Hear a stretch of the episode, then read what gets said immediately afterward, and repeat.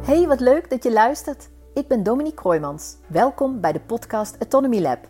Een podcast voor en door autonome denkers en doeners. In deze podcast interview ik pioniers, eigenwijzers en andere kop boven het maaiveld uitstekers. Mensen met de autonome visie en aanpak. Jong, oud en iedereen daartussenin. Ik ben nieuwsgierig. Hoe vinden en houden zij hun eigen koers en hoe gaan ze om met triggers, twijfels en tegenkrachten? Deze interviews wissel ik af met mijn eigen visie en inzichten rondom autonoom leiderschap. En dat is nog niet alles. Je krijgt ook nog eens praktische informatie en handige tips over hoe je autonome zenuwstelsel je kan helpen bij jouw autonoom leiderschap. In deze aflevering praat ik met Bart Heling, bij velen bekend als meester Bart, die op LinkedIn prachtige praktijkverhalen deelt over het lesgeven in cluster 4 van het speciaal onderwijs. In deze podcast vertelt Bart over zijn persoonlijke definitie van autonomie, over de invloed van het butterfly-effect hierin en over hoe je je rustspier kan trainen. En meer over welke eigenschappen hem helpen en uitdagen in het leven van zijn autonome koers en hoe bezieling hem helpt ruimte te geven aan de autonomie van zijn leerlingen. Veel luisterplezier!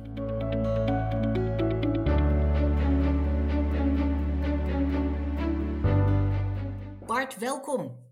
Zo leuk dat je vandaag mijn gast bent. Dat vind ik ook, Dominique. Dankjewel. Even voor de luisteraars. Ik heb Bart leren kennen via zijn hartveld praktijkverhalen over kleine en tegelijkertijd bijzondere gebeurtenissen in zijn klas binnen het speciaal onderwijs. Bart publiceert ze regelmatig op LinkedIn en dat niet alleen. Hij heeft er ook een heel tof boek over geschreven. Gewoon speciaal, kijken vanuit kindperspectief. Meteen een tip voor de luisteraars. Ik heb het in één ruk uitgelezen. En dit is een aanrader, of je nou in het onderwijs werkt of niet. Zo'n leraar had ik ook willen hebben. Dat was de gedachte toen ik het boek dichtsloeg. In de show notes zet ik de link waar je hem kan bestellen. Waarom ik nou zo blij ben dat Bart ja zei toen ik hem vroeg voor deze podcast? Daarvoor moet ik terug naar ons allereerste contact. Toen ik Bart een connectieverzoek stuurde, antwoordde hij: Mooi dat je ik centraal zet. Dit kleine woordje is het eerste woord dat kinderen in groep 3 leren lezen en schrijven. Zo belangrijk. En extra speciaal voor de kinderen in het speciaal onderwijs, die soms vervreemd zijn geraakt van hun ik. Mooi en dankbaar werk. Voor jou als coach Dominique om mensen weer in contact te brengen met hun ik. En voor mij als leerkracht om bij kinderen te voorkomen dat zij hun ik verliezen. Autonomie en ons ik. Onlosmakelijk met elkaar verbonden. Ieder vanuit ons eigen vak kunnen we dit van harte beamen.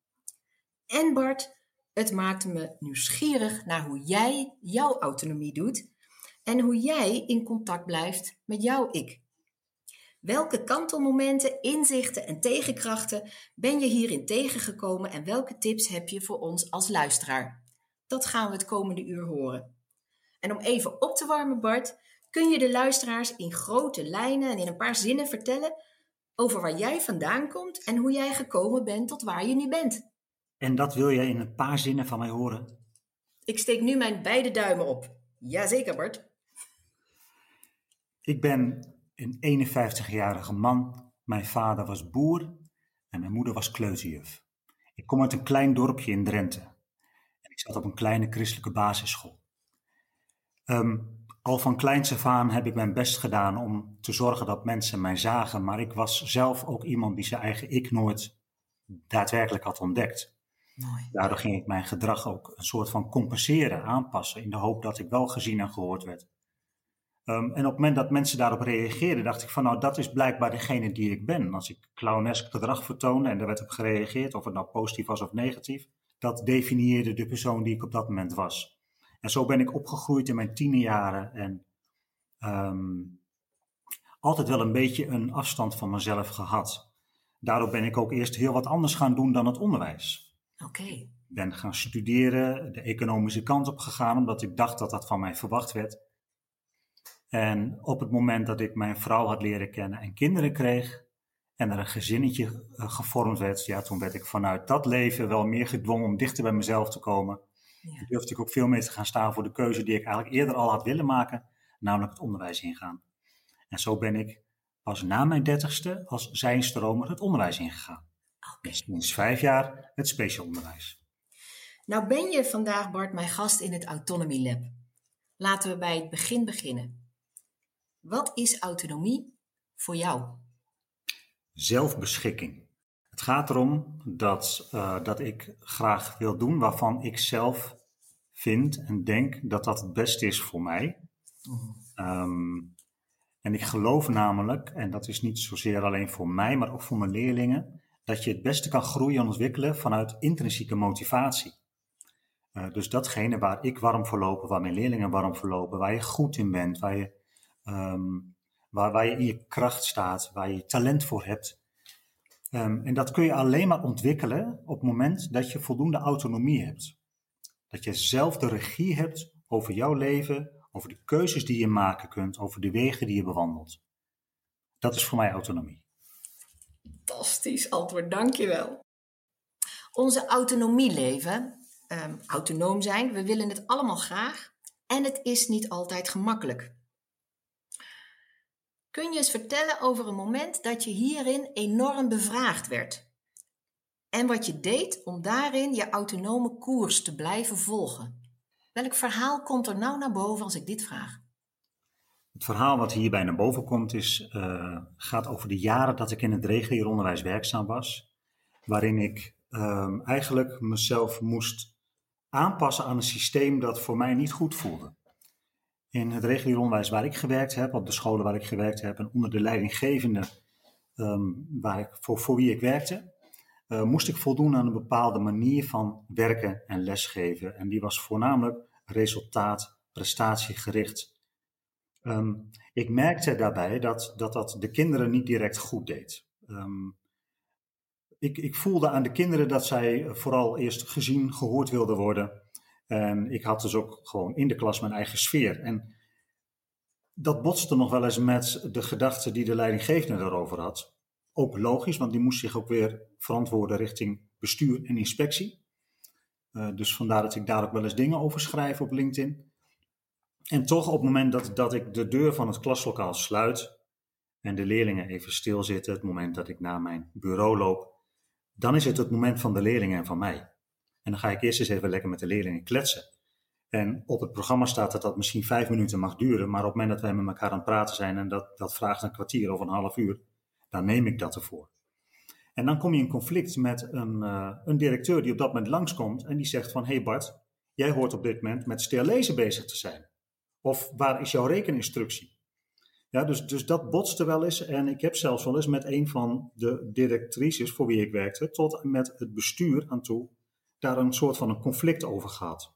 Mm um, we zijn daar samen uiteraard goed uitgekomen, maar na verloop van tijd ben ik wel bij die school weggegaan. Heb ik gekozen voor een wat kleinere school, waar er wat meer zorg was qua leerlingen. En op het moment dat je te maken krijgt met wat meer zorg voor leerlingen, krijg je als leerkracht ook automatisch wat meer ruimte om daarmee aan de slag te gaan. De school heeft dat erkend, de inspectie heeft dat op een of andere manier ook wel ondervonden dat dat zo was. Um, maar op een gegeven moment kwam er op die kleinere school ook een andere leidinggevende die daar ook weer andere gedachten over had. En ik kwam wederom in een soort van een conflict terecht Um, en toen had ik inmiddels op die school ontdekt dat mijn kwaliteiten ook lagen bij het begeleiden van leerlingen met zorg. Leerlingen die net wat extra's nodig hebben. Um, en de stap om daarna naar het speciaal onderwijs te gaan was voor mij heel logisch. En nu heb ik een directeur die mij juist alle ruimte geeft. Hij noemt dat ook experimenteerruimte. Omdat hij ook ziet dat ik heel goed ben in het uh, verbinden met leerlingen. En ervoor te zorgen dat leerlingen met plezier naar school komen. Nou, als één ding belangrijk is, sowieso in het regio-onderwijs, maar helemaal in het speciaal onderwijs waar, bij ons, waar kinderen met uh, een, een, heftig verleden zitten, maar ook met een heftig heden, dan is het wel dat zij vertrouwen hebben in dat stukje wat ze misschien als enige nog uh, de plek is waar ze zich thuis kunnen voelen, waar hun ik centraal kan staan. En dat is hier bij mij in de klas.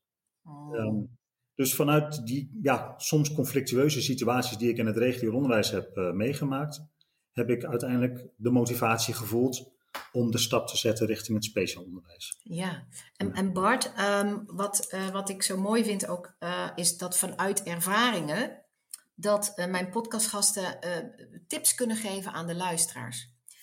nou, uit, deze, uit dit verhaal, wat zou nou jouw tip zijn?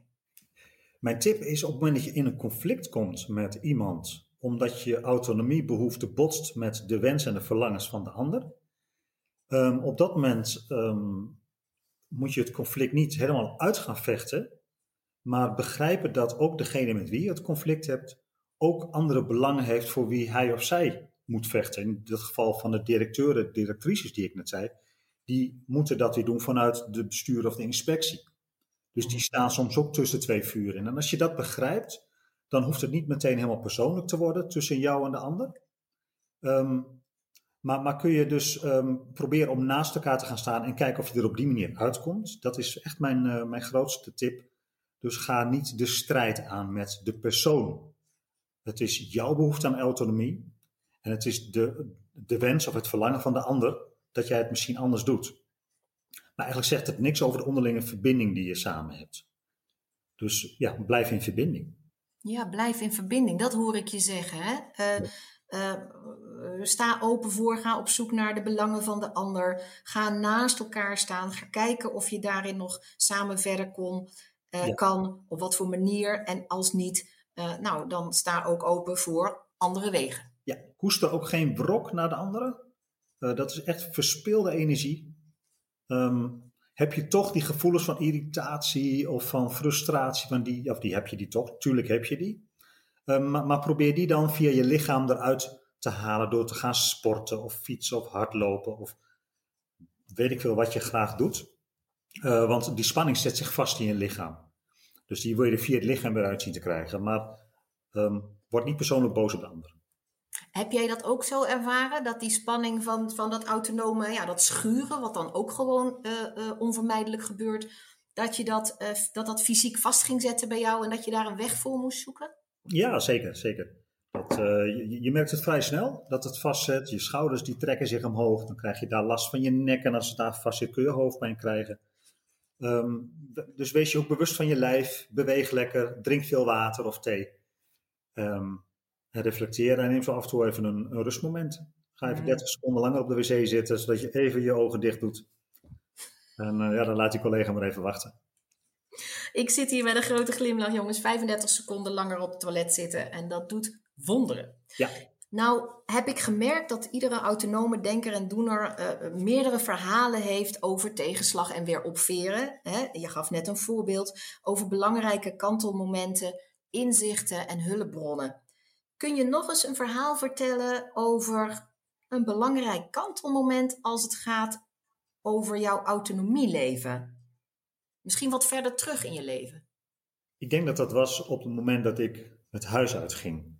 Ik was 18 jaar. Dat zou tegenwoordig zelfs vrij jong zijn. Maar op het moment dat ik 18 was, was dat nou, wel een gewone leeftijd om het huis uit te gaan. Ik had sterk de behoefte om mij los te maken los te maken van mijn uh, familiesysteem, van het gezin, waar ik nog aan alles voelde dat ik nog niet dicht bij mezelf stond.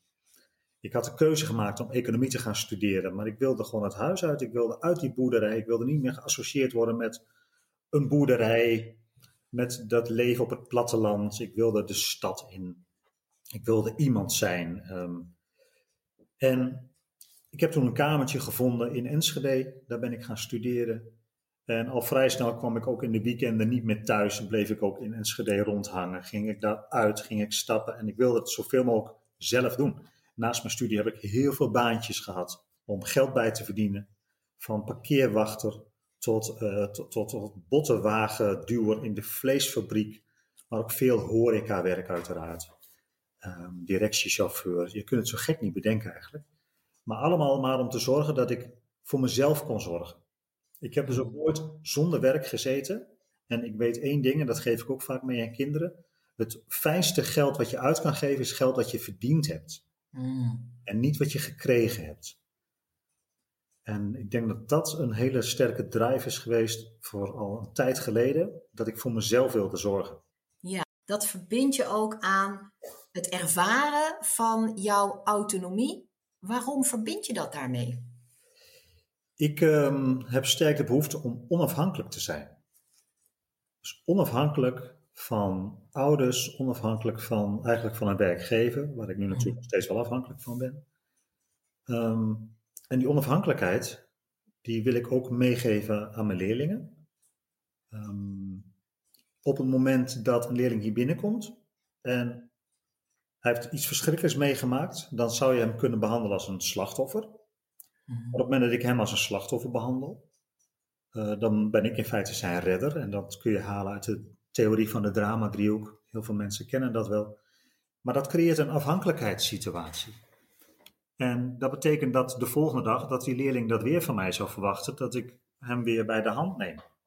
Terwijl ik hem niet ga behandelen als een slachtoffer, maar op het moment dat hij bij mij in de klas is, is hij gewoon Bradley of Laurens of um, Piet. Of, dat maakt verder niet uit, maar gewoon een persoon, dus een ik. En die onafhankelijk kan bewegen. Dat is wat ik mee wil geven. Kun je een voorbeeldje noemen?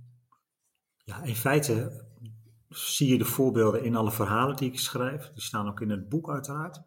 Um, en ik maak dat elke dag mee. Um, een leerling die bijvoorbeeld afgelopen week bij mij in de klas kwam en ik had ochtends nog de moeder aan de telefoon gehad, huilend, omdat er een melding was gemaakt bij Veilig Thuis, omdat zij thuis niet goed met haar kind om zou gaan.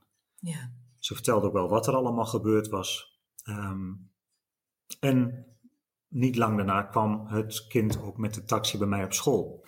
Nou, had ik natuurlijk dat kind als een slachtoffer kunnen behandelen, in bescherming kunnen nemen. Maar daar schiet niemand wat mee op, want op dat moment kan ik toch niks anders voor haar doen dan gewoon haar meester zijn. Dus ik verwacht ze op die dag hetzelfde voor, uh, van haar als de dag daarvoor.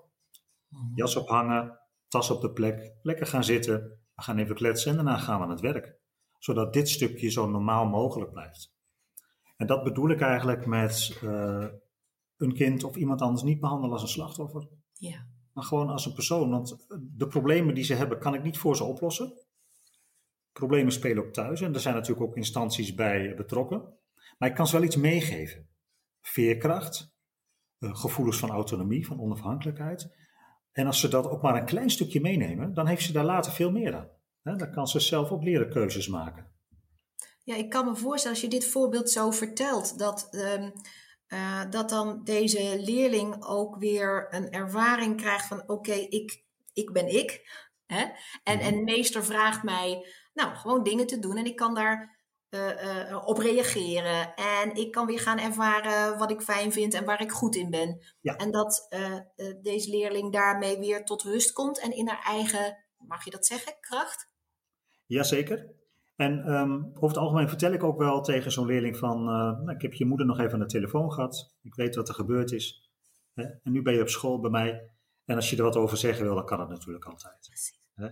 Ik ga er niet dieper op in. Ik ga er niet over vragen, want weet je, dat, uh, dat, dat is niet altijd gepast, gewenst. kind wil dat ook niet altijd. Geef soms wel dan een sociaal wenselijk antwoord. Maar je voelt dan alles dat dat helemaal niet het moment is. Een kind wil op school liefst gewoon op school zijn. Ja, Mooi, mooi Bart. Nou heb ik als volgende vraag staan. Ehm, ben jij altijd autonoom geweest? En je vertelde net al in de, de eerste grote lijnenvlucht dat in jouw definitie hè, van autonomie en contact zijn met je ik, dat dat niet altijd uh, zo geweest is.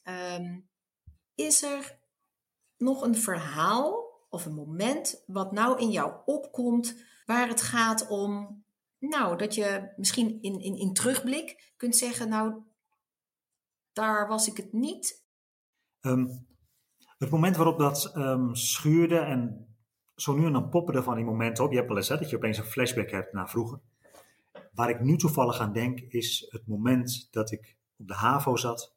Populair doen, ja. roken, stoer doen, uh, proberen om bij de populaire jongens te horen, maar tegelijkertijd wilde ik ook vrienden zijn met de niet zo populaire jongens. Ik wilde met iedereen graag in verbinding zijn. Dat was altijd een struggle.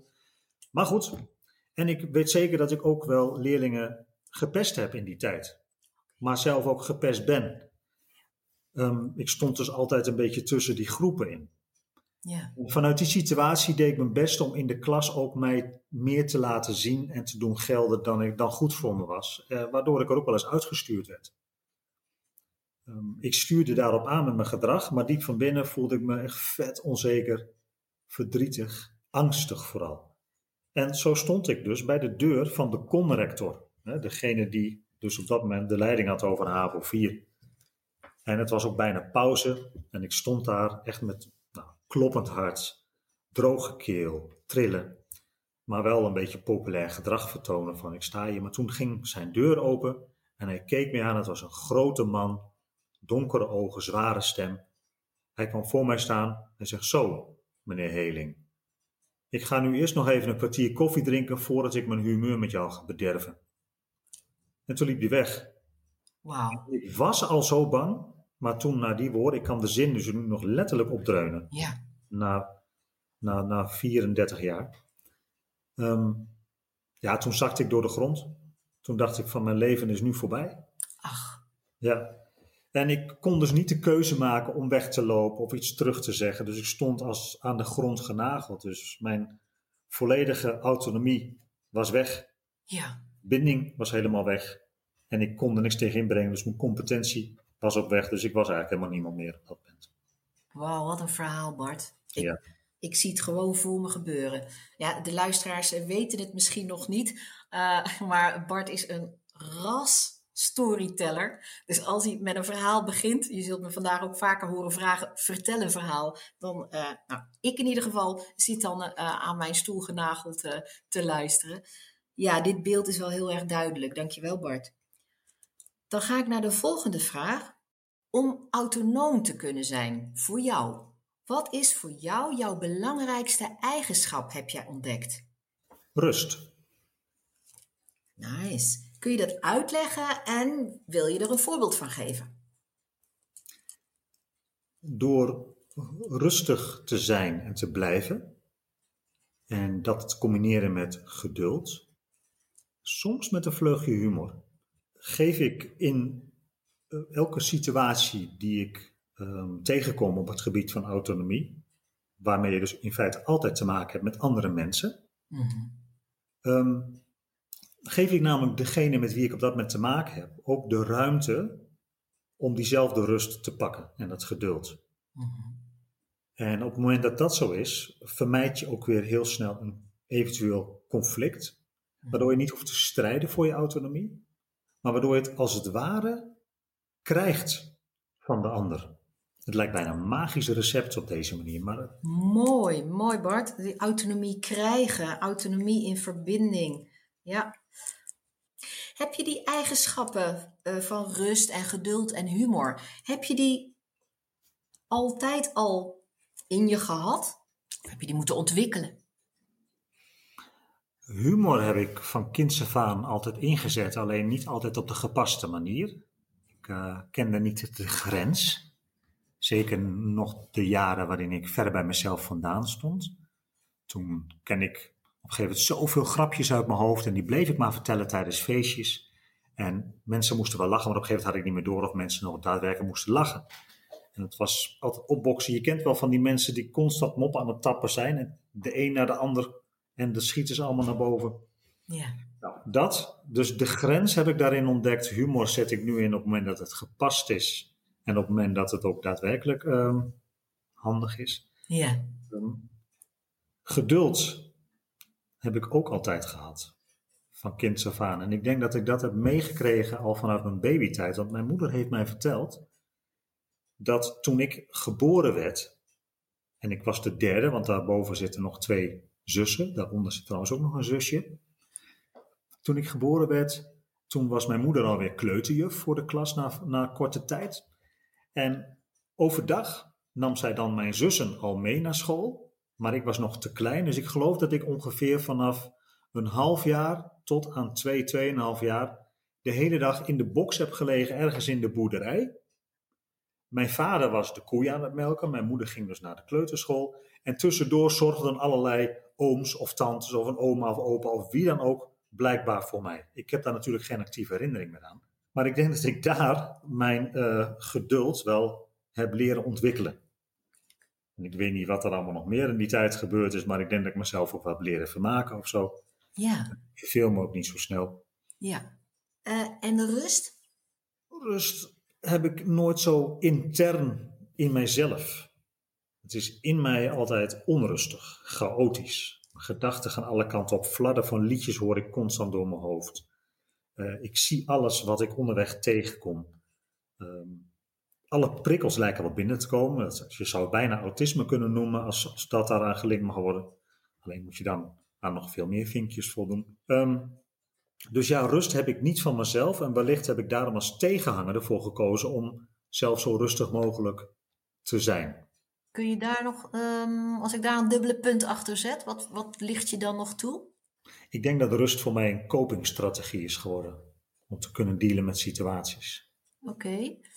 In hoeverre, hè, want als we dan copingstrategie uh, zeggen en de professionele luisteraars onder ons, die kunnen dan misschien wellicht wat fronzen. Uh, en toch hoor ik jou ook vertellen en ervaar ik jou ook als iemand die een enorme, in zenuwstelseltermen, chillzone heeft en een enorme rust en ruimte uitstraalt. Ik verbind daar voor mij ook ruimte aan. Um, zou je kunnen zeggen, ik weet het niet, misschien leg ik je woorden in de mond, dan, dan hoor ik het graag, dat je de rustspier getraind hebt? Ik vind het geweldig als mijn woorden in de mond gelegd worden, op het moment dat ik ze zelf niet vinden kan, dus dank je wel daarvoor.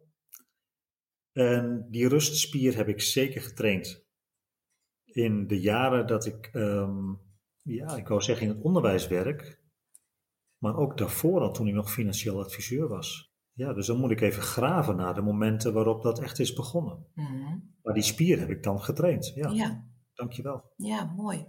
Ja. Mooi hoor. En hij is ook echt uh, voelbaar, luisteraars, uh, wanneer ik zo met Bart aan het uh, praten ben.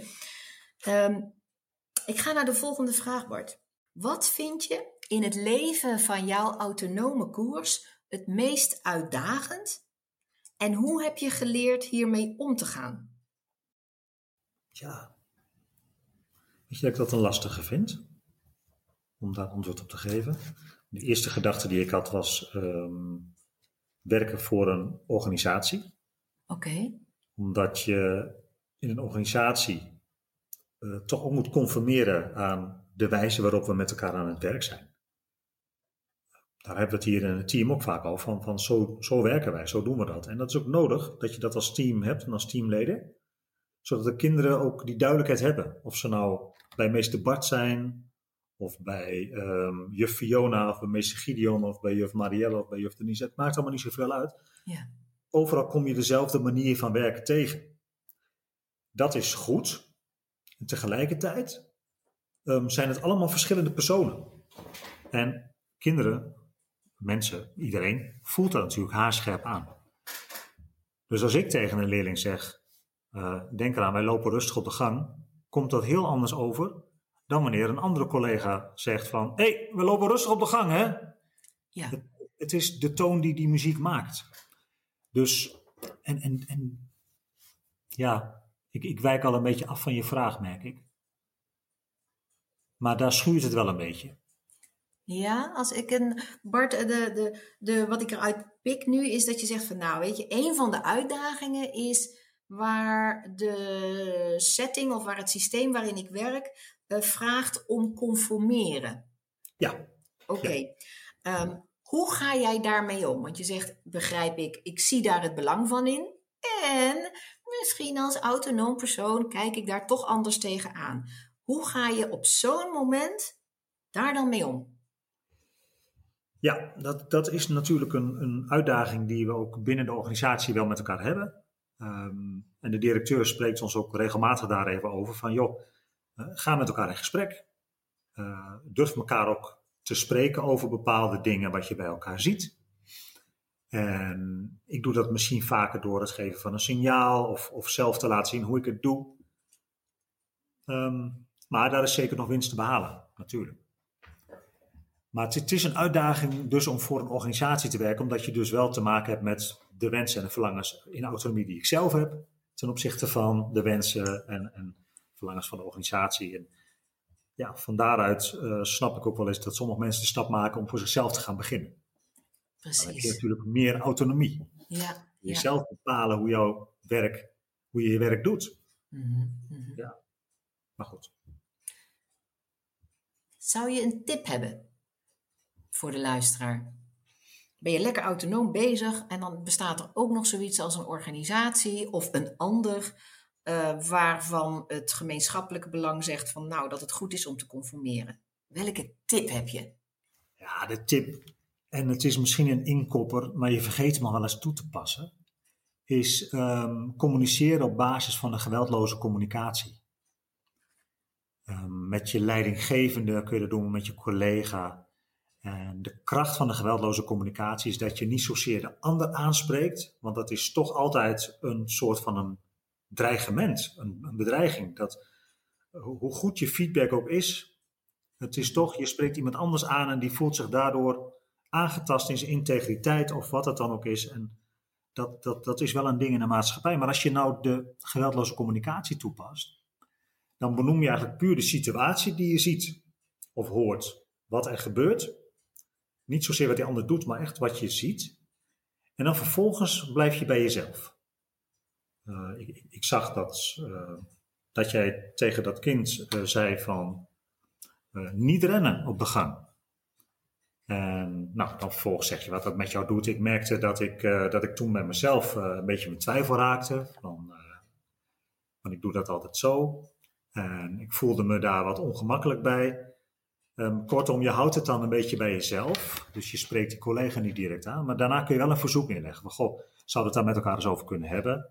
Of uh, zou je het ook op dezelfde manier willen zeggen zoals ik? Van we lopen rustig op de gang in plaats van dat je zegt niet rennen. Nou, het is maar een heel simpel voorbeeld wat ik nu geef, Dominique. Maar um, dat vind ik een hele fijne manier van communiceren. Ja, en uh, weet je Bart, het zijn die hele simpele voorbeelden die vaak het mooiste werken en ook het dichtstbij zijn. Nou Bart, wanneer ik jouw boek open, lees ik als eerste een citaat uit de chaostheorie. It has been said that something as small as the flutter of a butterfly's wing can ultimately cause a typhoon halfway around the world. Wat betekent dit citaat voor jou in jouw leven? In mijn leven? Met mijn complimenten voor jouw Engelse uitspraak. Ja, ik mag thuis geen Engels praten van mijn kinderen en mijn vrouw, want dat is dan een soort van Drents Engels, hè, drengels. Maar wat dit citaat voor mij betekent, eigenlijk heel eenvoudig uitgelegd dat een kleine interventie die ik doe bij een leerling zorgt voor een heel groot effect in de rest van zijn of haar leven. Terwijl andersom, als ik een hele grote interventie pleeg, um, heeft dat bijna geen effect. Sterker nog, dan breng ik vaak meer schade toe dan, uh, dan resultaat.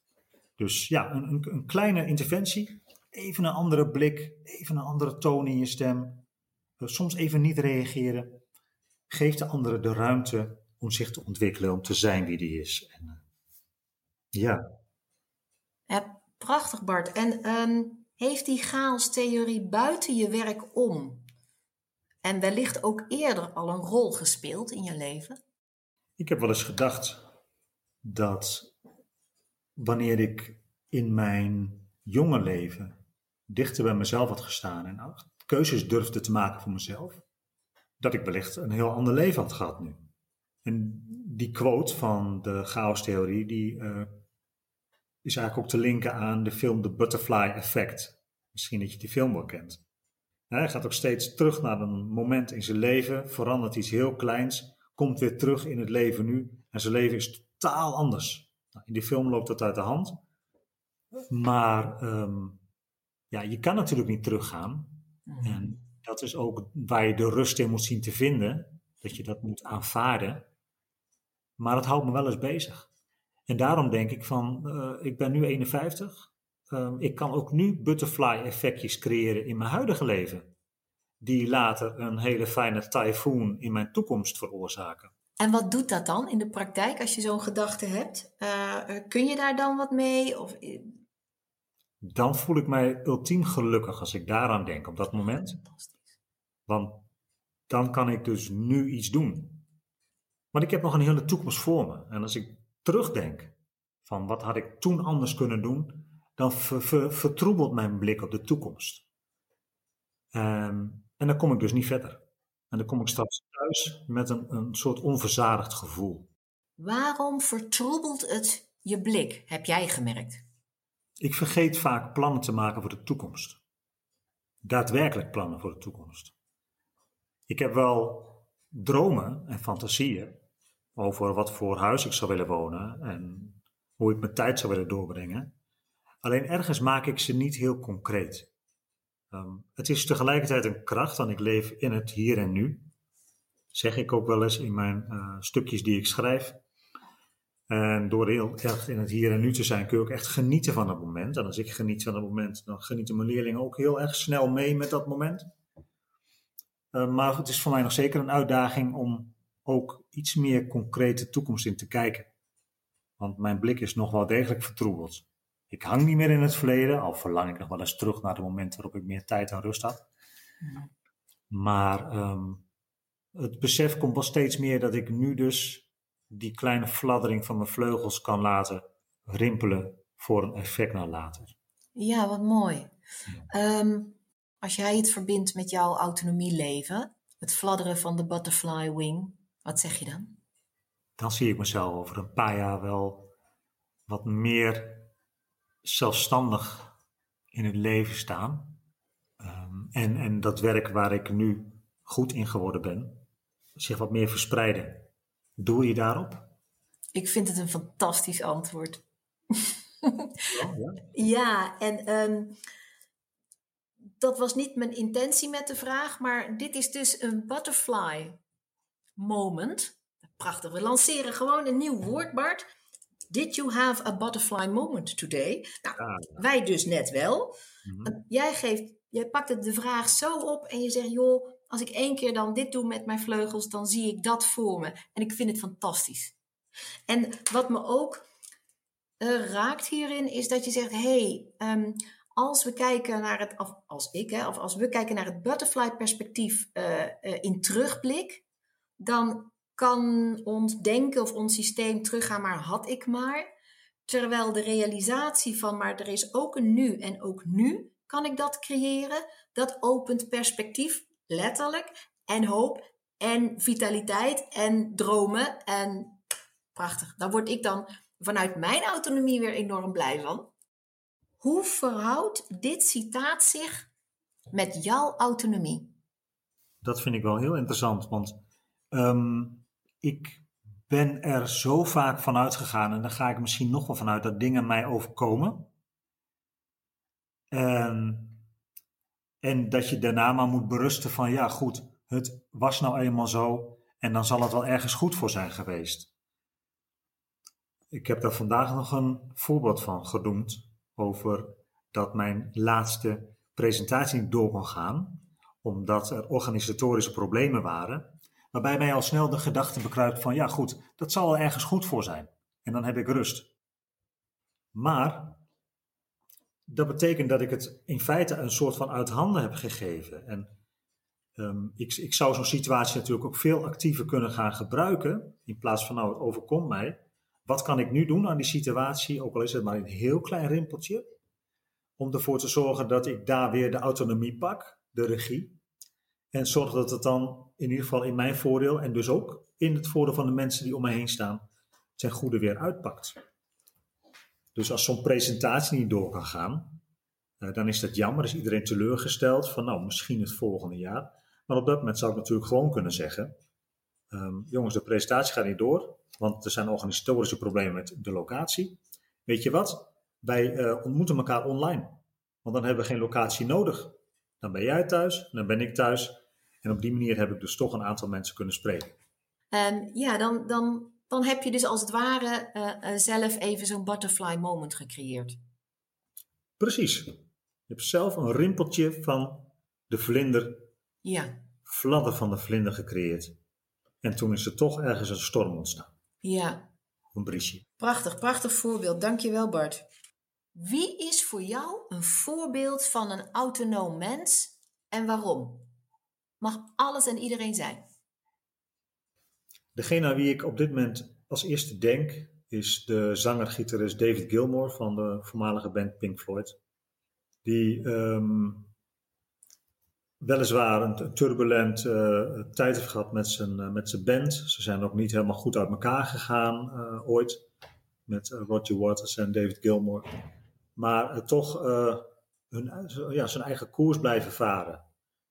Daar deals over gemaakt, afspraken. En hij is eigenlijk alleen maar beter geworden. Zowel in zijn zang, zelfs toen hij in 2016 nog in Pompeii aan het optreden was, toen klonk zijn stem nog weer vele malen beter dan 30 jaar terug. Zo bizar. En het gitaarspel verfijnd, de nummers uitgebreid. Ehm, en dan heb je het over bezieling. En op het moment dat je bezieling hebt, dan hoef je niet meer per se te ontvangen, maar dan ben je in staat om te geven. En dat is wat ik ehm, in zijn muziek ook merk. Als hij zingt of als hij gitaar speelt, dan voel ik dat ik elke keer als ik daarnaar luister een cadeau krijg. En hij hoeft niet eens de waardering ervoor terug, want die waardering vindt hij zelf al in datgene wat hij doet. En dan maak ik weer een stap terug naar het werk hier op school. Ik vind hier ook de waardering vanuit ehm, het werk wat ik doe. En ik, ik, hoef van de kinderen geen complimenten te ontvangen, want weet je, soms dan schelden ze hem ook voor rot of, of wat dan ook, maar daar gaat het niet om. Het gaat erom wat ik aan de kinderen te geven heb. En dat is het gevoel dat ik niet belangrijk ben, maar dat zij belangrijk zijn. Zij zijn rijk aan belang. En dat is wat ik de leerlingen hier geven kan. Nou, dat is het bruggetje wat ik dus heb tussen een artiest als David Gilmore en het werk wat ik hier doe als leerkracht. Het lijkt best op elkaar.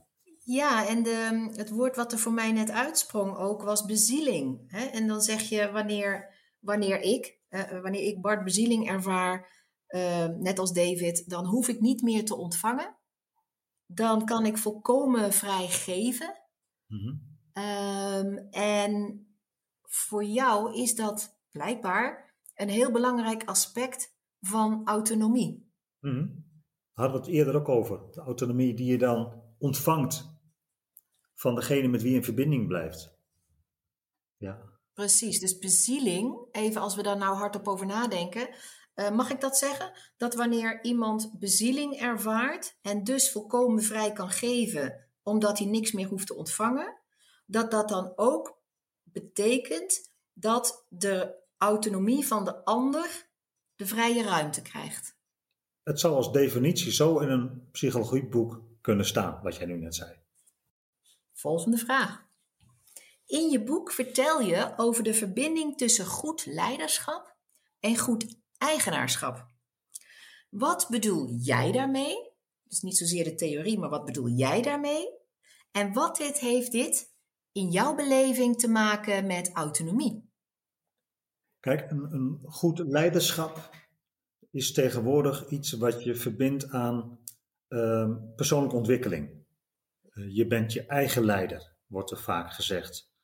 En dat wordt ook tegelijkertijd verbonden met uh, dat leerlingen moeten eigenaarschap hebben. Het is een, natuurlijk een modern woord. Collega's moeten ook eigenaarschap hebben. Um, dat valt of staat natuurlijk gewoon met de autonomie die je ervaart. Um, een, een goede leider is een soort van autoriteit zonder autoritair te zijn. Mm. Dat wel eens gezegd. Um, en ik zie dat altijd in gelijkwaardigheid. En niet gelijkheid, want we zijn allemaal verschillend, maar we zijn allemaal evenveel waard. En ik denk dat je als leerkracht, op het moment dat je um, weet waar je mee bezig bent, en daar een basisvertrouwen in jezelf hebt, mm straal je dat uit naar kinderen. En dan voelen kinderen zich ook veilig mhm. in de buurt. En op het moment dat ze zich veilig voelen, ehm, dan is er ook voldoende rust en ruimte om die autonomie, om dat eigenaarschap zelf te pakken. Want dan kunnen ze erop vertrouwen dat dat, um, dat, dat kan binnen de kaders die ik geschept heb. Dus als leider in de klas, als meester ben ook een leider, hè, uh, schep ik kaders. Want we beginnen om zo laat. Zo laat gaan we naar buiten, zo laat gaan we weer naar binnen. Uh, hier kun je gebruik van maken. Um, dus ik vertel vooral de dingen die we gaan doen en de dingen die mogen. Dat is wat een leider doet. En ik vertel niet zo vaak de dingen die niet mogen. Of wat we niet gaan doen. Dus vooral wat we wel gaan doen. Want ja, daar moeten we mee bezighouden. Hè? We moeten toch niet zoveel bezighouden met dingen die we niet gaan doen. Mm -hmm. um, dus dat is voor mij leiderschap. En tegelijkertijd kunnen kinderen zich daarin vrij bewegen en dat is dan hun eigenaarschap. Oké, want dat was uh, een vraag die ik hier nog uh, voor jou had. Uh, in kindertaal, in kindtaal, ehm, wat zijn dan jouw woorden? Hoe leg je dat uit aan je leerlingen, eigenaarschap? Ehm, een voorbeeld ga ik geven, want dat zijn zoveel situaties waarin ik dat uitleg, omdat ik zoveel verschillende leerlingen voorbij zie komen.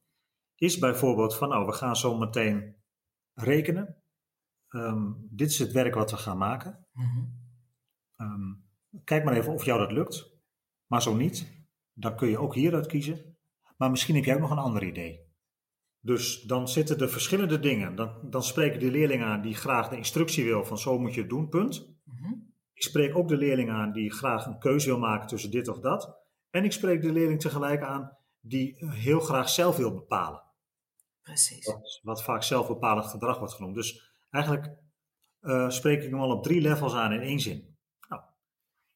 Ja, dan is er bijna geen leerling die zegt van, uh, ja, die zijn er wel. Van, nou, ik ga het allemaal niet doen. Ja, dat is ook een keuze. Dan maak je toch een keuze, zeg. Nou, dan gaan we van daaruit weer verder. Ja, ja, mooi, mooi, mooi Bart, dankjewel. Over eigenaarschap en leiderschap. Ja, in de introductie van deze podcast noemde ik al waar ik altijd zo benieuwd naar ben. Niet alleen de succesverhalen, maar vooral ook de zeven dagen per week praktijk. Hoe vinden en houden autonome denkers en doeners hun eigen koers? En hoe gaan ze daarin om met triggers, twijfels en tegenkrachten? Aan jou drie vragen, Bart, nu. Kun je een voorbeeld noemen van een trigger op jouw autonome weg en hoe je daar dan mee omgaat. Daarna ga ik je vragen een voorbeeld van een twijfel en daarna ga ik je vragen naar een voorbeeld van een tegenslag. Een trigger, een twijfel en een tegenslag. Wat allitereert dat al heel mooi, zeg? een trigger die ik tegenkwam op mijn autonome pad. Toch weer teruggrijpen naar het moment op een van de reguliere basisscholen waar ik gewerkt heb. Ja. En het was een moment waarop er een onderscheid werd gemaakt in salaris voor leerkrachten. Ehm, en dat was in die tijd, en dan moet ik even nadenken hoe dat ook weer precies ging. Maar um, dan kon je extra opleiding gaan doen. En als je dan extra opgeleid was als leerkracht, dan kon je een wat hoger salaris krijgen. Ja, oké. Dat weet ik nog. Was ergens rond uh, eh, 2009, in die tijd, 2010. En toen had het bestuur hier bij, uh, in de gemeente Emmen, voor wie ik toen, waar ik toen voor werkte, die had besloten van, nou weet je wat, wij, uh, wij gaan het onderscheid niet maken tussen leerkrachten met, met of zonder extra opleiding. Wij geven alle intern begeleiders gewoon dat hogere salarisgedeelte. Dan, ja, dat was nou helemaal zo. Ja, ik vond dat niet eerlijk, want ik had gelezen dat dat ook was als je een extra opleiding uh, had gedaan en ik wilde juist die extra opleiding doen. Um, en ergens um, ja, werd, werd, er ook niet goedgekeurd dat ik de opleiding ging doen. Ik kreeg er geen toestemming voor. Ik dacht, nou weet je wat, er is ook een lerarenbeurs net in het leven geroepen. Daar kon je gebruik van maken. Mhm. Ik ga het gewoon via het ministerie doen, via het lerarenbeurs. Ik ga gewoon zelf die opleiding doen buiten schooltijd. Ja. Dan, dan maar niet met toestemming van mijn bestuur of van mijn directeur. En ik ga dat gewoon doen. Dus ik ben toen de opleiding Master Special Educational Needs gaan doen aan de Binnensheim. En um, ja, het kostte heel veel uren, want kinderen waren nog jong. Ik had gelukkig nog geen hond, dus dat scheelde echt heel veel tijd. En, um, maar ja, mijn directrice was het daar niet mee eens, want die had al gezegd van ja, ik vind het niet goed. Het gaat ten koste van de klas. Wij zijn een resultaatgerichte school. Dus daar triggerde bij mij iets van ja, maar ik ga het toch doen. Ja. Ik, ik wil dat. En toen kwam ze op een gegeven moment bij mij in de klas observeren, een ochtend nadat ik een hele lange dag bij de opleiding was geweest in Zwolle. Ja. Toen had ik al gezegd van nou, lange dag gehad, zei ik ochtends bij het acht uur overleg. Dus ik doe vandaag een beetje op de automatische piloot, maar het komt wel goed. En in die ochtend net kwam ze bij mij observeren in de klas. Ja? Bewust. Dat, dat kan niet anders. Tenminste, in mijn ogen was dat bewust, hè? want het was zomaar een willekeurig moment. En ook niet zomaar even een kwartiertje, maar iets van twee of drie uur lang. Met zo'n lijstje. Wil op de neus. Uh, allemaal dingetjes afvinken. En meteen na school dat een gesprek. Van ja, Bart, ik ben bij jou eens observeren, maar uh, er was heel veel uh, niet goed. Dit was niet goed, dat was niet goed. Ik heb er een verslag van gemaakt en ik wil graag dat je dat tekent. En ik zeg, nou, daar moet ik toch echt heel even over nadenken. En ik ben het er niet helemaal mee eens. Nee. En, hè, toen werd er iets voor mij besloten. Toen werd er iets voor mij bepaald. En dat triggert mij nog steeds als dat gebeurt. Maar dat triggerde mij toen behoorlijk. Mhm. En toen zijn we ook zelfs tot aan het bestuur geweest. Want zij zei, als jij niet tekent, ga ik naar het bestuur. Ik zei, ja, dan moet ik ook naar het bestuur. Ja. En toen zat ik trouwens, moet ik gewoon even zeggen, ik zat bij die bestuurder. Of, of die, die man van het bestuur die de boel regelde.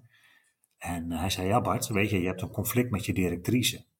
Maar zij is jouw directeur. En jij bent de leerkracht. Dus ja, jij, jij trekt aan het kortste eind. Dus je moet hoe dan ook, eh, moet jij het goed maken. Ik zeg, is dat alles wat je me geven kan? Dat is alles wat je geven kan. Zo werkt dat nou eenmaal. Dat was echt bureaucratie ten top. Eh, we zijn er uiteindelijk uitgekomen. Ik heb niet getekend. Mhm. Maar het is wel goed gekomen in zoverre dat, we, dat ik gewoon mijn werk heb kunnen blijven doen. Mhm. Maar dat was echt een trigger.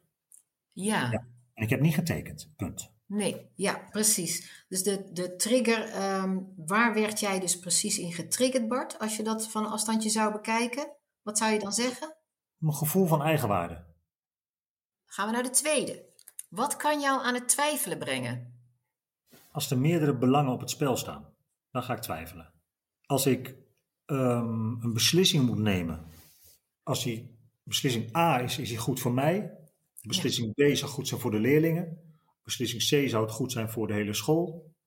En ik moet echt even graven naar een moment. Maar als de belangen verschillend zijn, dan ga ik twijfelen of ik er goed aan doe om vasthouden aan mijn eigen autonomie.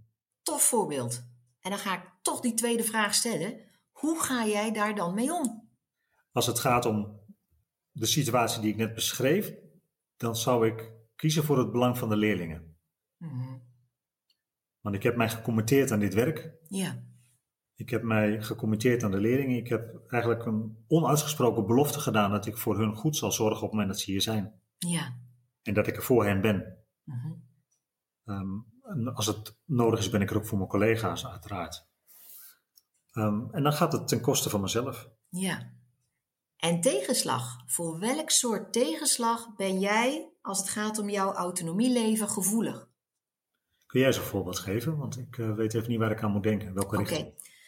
Eh, ik ben gevoelig voor heel veel tegenslagen, Bart.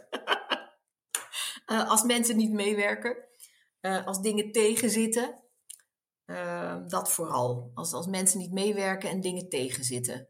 Mhm. Daar, daar, daar houdt eh, dit systeem niet van. Mhm. Tegenslagen waar ik aan denk is het moment waarop ik eh, niet begrepen word.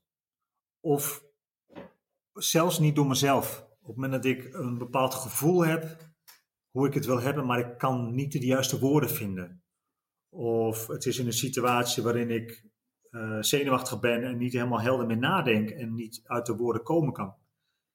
En, en dan ga ik later met een onbevredigd gevoel naar huis en dan, dan voelt dat als een tegenslag. Dan kan ik het ook niet zomaar meer terugdraaien. Mhm. Heb je een tip voor de luisteraar hierover? Ja. Als je in zo'n situatie terechtkomt waarin je, noemde ik dat net, waarin je iets zegt wat je misschien niet had willen zeggen. Wat ik ehm, steeds meer toepas en wat ook echt wel heel erg helpend is. Eigenlijk in elke situatie waarin je even niet weet wat je zou moeten zeggen of doen. Oefen je pauze. Wacht even een paar seconden met de reactie. Het is sowieso een tip die ik meegeef aan iedereen in het speciaal onderwijs. Op het moment dat er gedragsproblemen zijn of op het moment dat er iets gebeurt, wil je direct reageren. Want ja, als mens ben je nou eenmaal heel reactief. Ja. De prikkels komen binnen via een van de zintuigen en dat wordt direct omgezet in een reactie. En je hebt de neiging om daar meteen op in te grijpen. Maar dat gebeurt dus ook in elke eh, sociale situatie waar je in zit. Wil je ook graag direct reageren? Ja. Of op social media wil je meteen een reactie typen als je ergens door getriggerd wordt.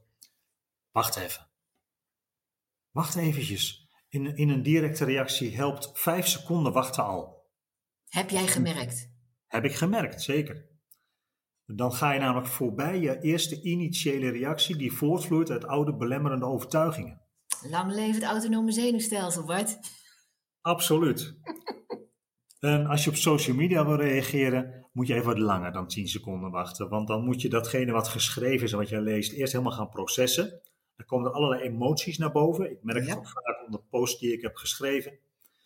Ehm, als je dan even uh, een kopje koffie gaat drinken, of even gaat wandelen, of een kopje thee. Weet je, die social media die, die loopt niet weg. Die post die blijft heus wel staan. En dan reageer je daarna. Maar dan is je reactie vaak veel krachtiger. Nice, dankjewel. Nou, bij tegenslag en niet meer weten. Wat of wie is dan een belangrijke hulpbron voor jou als het gaat om je autonomie? Dat is eigenlijk al 30 jaar bijna, 29 jaar, mijn vrouw. Mooi. En wat maakt nou dat je haar noemt als belangrijke hulpbron?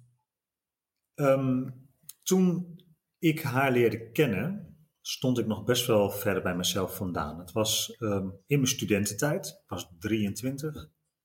En ik heb me misschien wel mooier en beter voorgedaan dan ik werkelijk was. Alleen daar was ik me niet echt bewust van.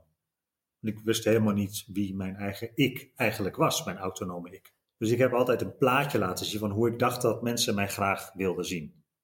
Dus het was wel de versie van mezelf waar ik me dan goed bij voelde. Ja.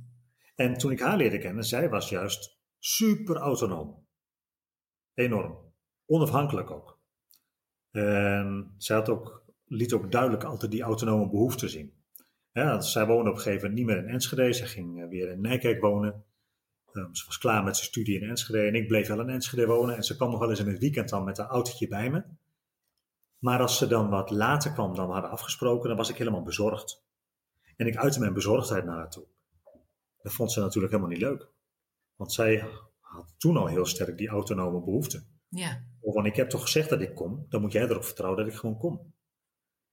En zij heeft mij in al die jaren wel meegenomen op dat pad naar autonomie, naar een stukje onafhankelijkheid.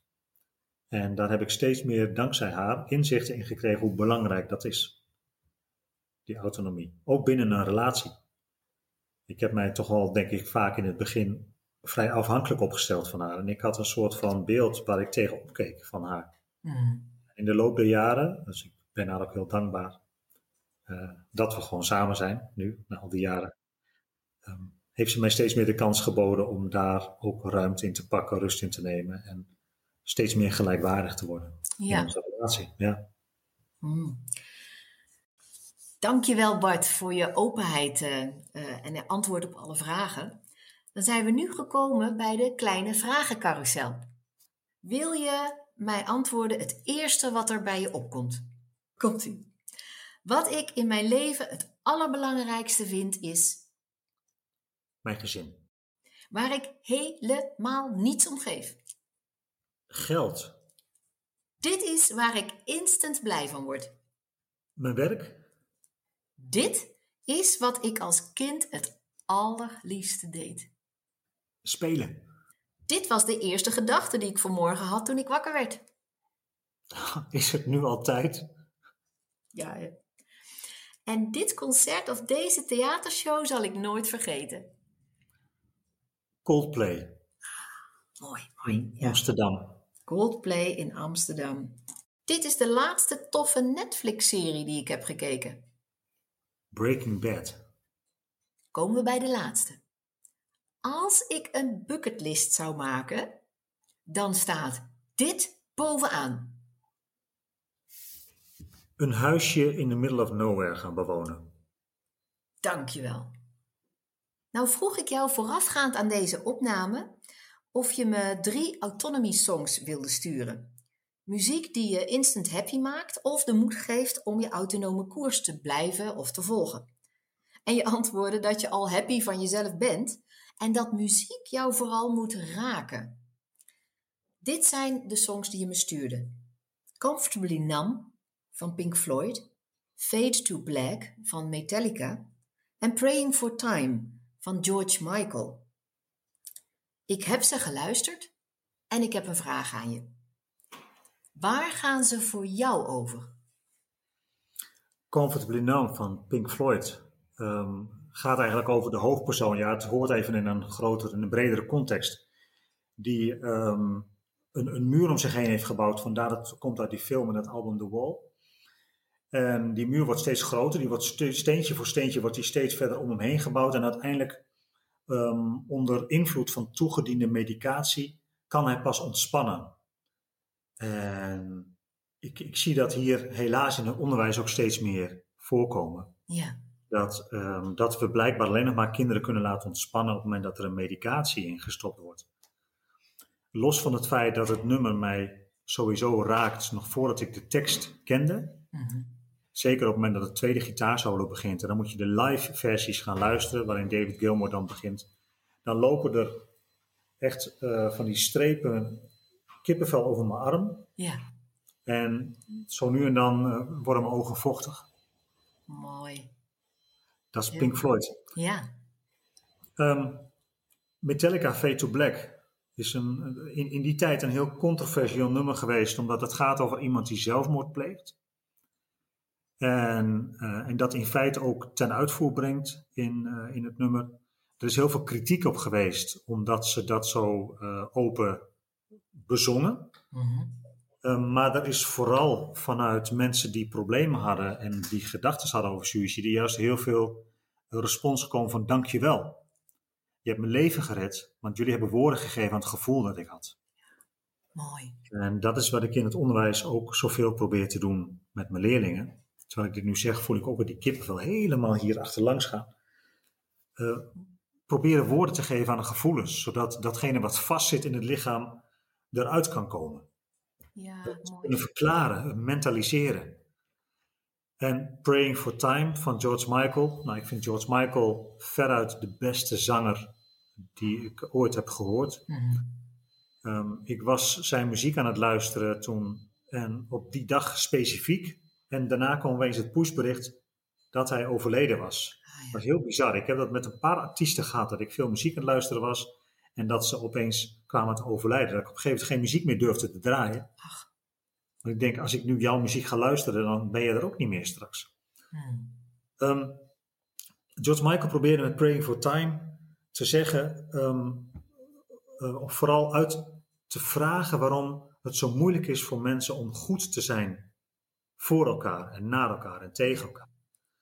En hij geloofde, en zo heeft hij het nummer ook een beetje opgebouwd, dat wij onder invloed van de media um, echt worden beïnvloed in ons onderbewustzijn dat de bronnen aan het opraken zijn en dat de tijd aan het opraken is. Mm.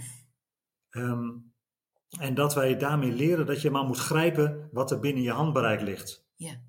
Um, want ja, de olie raakt op, het gas raakt op, uh, alles raakt op. Pakken wat je pakken kan, de tijd raakt op. Um, maar dat is helemaal niet zo. Het is bijna, zei George Michael, alsof er geen tijd meer is voor compassie naar elkaar toe. En um, we maybe we should all be praying for time, zong die. En, uh, nou ja, weet je, ik vind tijd ook iets heel belangrijks. Het is ongrijpbaar, dus er, er is helemaal niks te grijpen. Hmm. Het is het moment waarop je met elkaar samen bent. En je antwoorden brengen me naar de laatste vraag aan jou. Wat vertellen deze drie liedjes over Bart? Dat er hoe moeilijk de situaties ook zijn, dat er altijd een moment te vinden is die het uh, leven waard maakt. Met elkaar. Zoveel mooie antwoorden, zoveel goede tips, zoveel inzicht ook in hoe jij jouw autonome koers uh, gevonden hebt en uh, ja, probeert te leven prachtig, prachtig, prachtig. Ik word er nu nog steeds blij van. Het voorbeeld van de chaos-theorie en de butterfly. Um, Dank je wel. En voor de luisteraars, ik heb Bart gevraagd of hij nog een tweede keer mijn gast wil zijn. En dan in een speciale aflevering van het Autonomy Lab over hoe voeden en bewaken we de ontwikkeling van autonomie bij onze kinderen. Bart zei ja, dank je wel daarvoor. En die aflevering gaan we ergens de komende weken, maanden, we moeten nog in Bart's agenda kijken, opnemen. En die kun je dan uh, in uh, het eerste kwartaal van volgend jaar online verwachten. Bart, dankjewel. Jij ook bedankt, Dominique. Vond het een heel fijn gesprek. Leuk dat je luisterde. Wil je meer weten over de gast van vandaag? Je vindt alle info in de show notes. Wil je meer weten over autonoom leiderschap? Kijk dan op autonoomleiderschap.nl. Tot de volgende keer!